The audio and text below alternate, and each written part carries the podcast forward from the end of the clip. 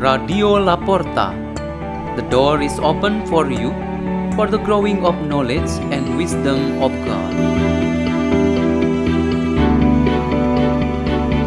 By the La Porta collaboration, led by Peter Tukan, priest of the Salesians of Don Bosco.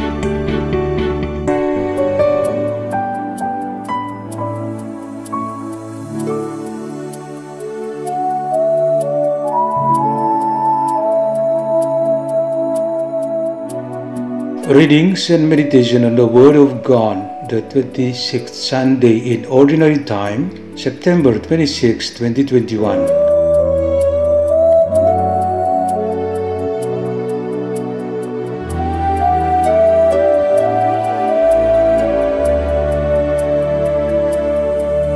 The reading is taken from the book of Numbers. The Lord came down in the cloud and spoke to Moses. Taking some of the Spirit that was on Moses, the Lord bestowed it on the seventy elders. And as the Spirit came to rest on them, they prophesied. Now two men, one named Eldad and the other Medad, were not in the gathering but had been left in the camp. They too had been on the list, but had gone out to the tent. Yet the Spirit came to rest on them also, and they prophesied in the camp.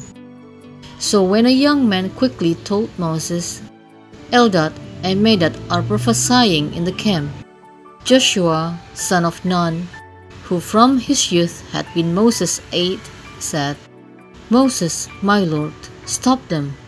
But Moses answered him, are you jealous for my sake? Would that all the people of the Lord were prophets. Would that the Lord might bestow his Spirit on them all. The word of the Lord.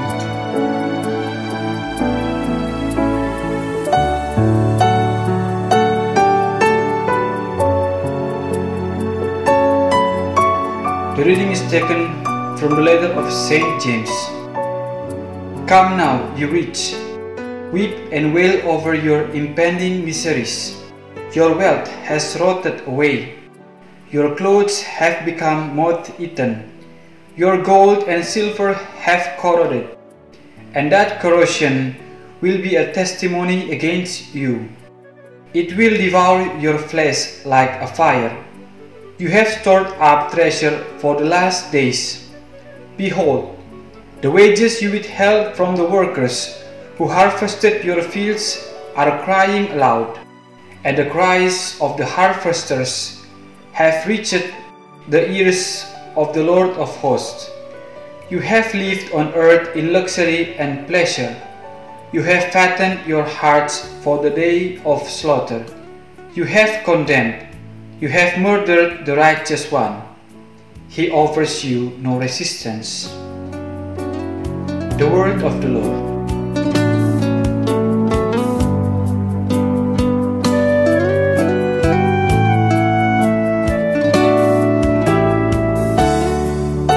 Gospel of Jesus Christ according to Mark chapter 9 verse 38 to 43, 45, 47 to 48. At that time John said to Jesus, Teacher, we saw someone driving out demons in your name, and we tried to prevent him because he does not follow us. Jesus replied, Do not prevent him. There is no one who performs a mighty deed in my name who can at the same time speak ill of me. For whoever is not against us is for us. Anyone who gives you a cup of water to drink because you belong to Christ, Amen, I say to you, will surely not lose his reward.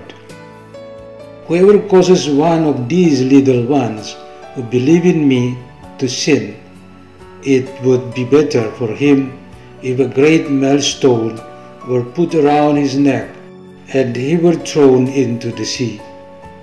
If your hand causes you to sin, cut it off. It is better for you to enter into life maimed than with two hands to go into Gehenna, into the unquenchable fire. And if your foot causes you to sin, cut it off. It is better for you to enter into life crippled than with two feet to be thrown into Gehenna. And if your eye causes you to sin, pluck it out. Better for you to enter into the kingdom of God with one eye than with two eyes to be thrown into Gehenna, where their worm does not die and the fire is not quenched. The Gospel of the Lord.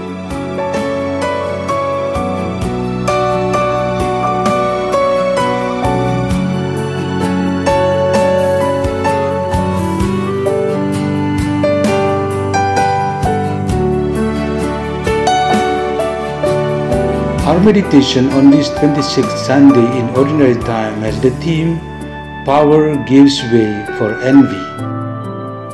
Power is part of our lives. The duty and role of the father and mother in the family is a type of power.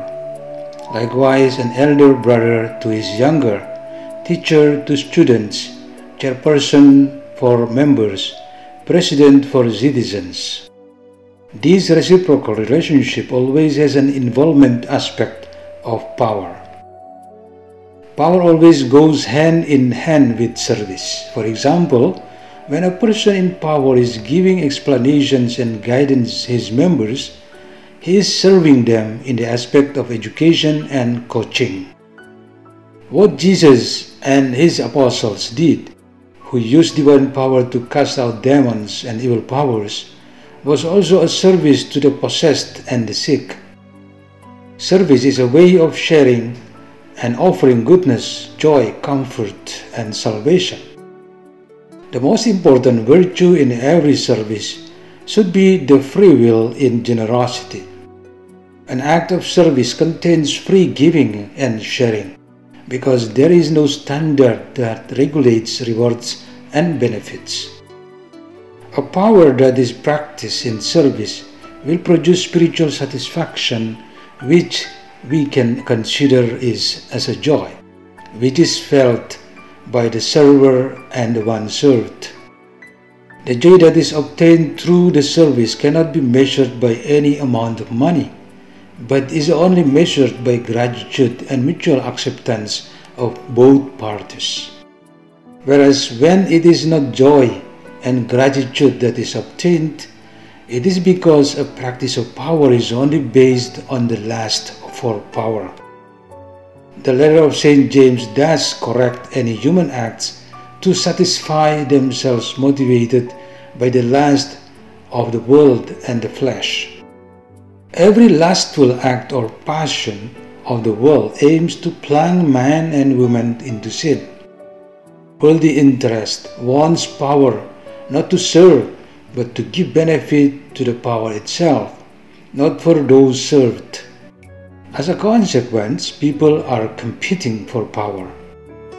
One of the main sins when people make all efforts to gain power is envy. This sin arises because a person does not like his fellow who has more power or ability than himself.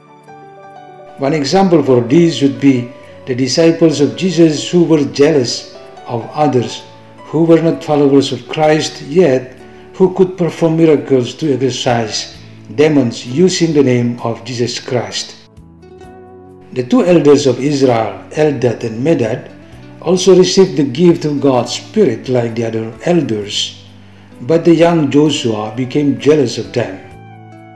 Jesus and Moses want us to always try to get rid of this sin of envy and replace it with respect for others, believe in the same gift of God to everyone equally, and be open to using different gifts for the common good. Let's pray. In the name of the Father, and of the Son, and of the Holy Spirit, Amen.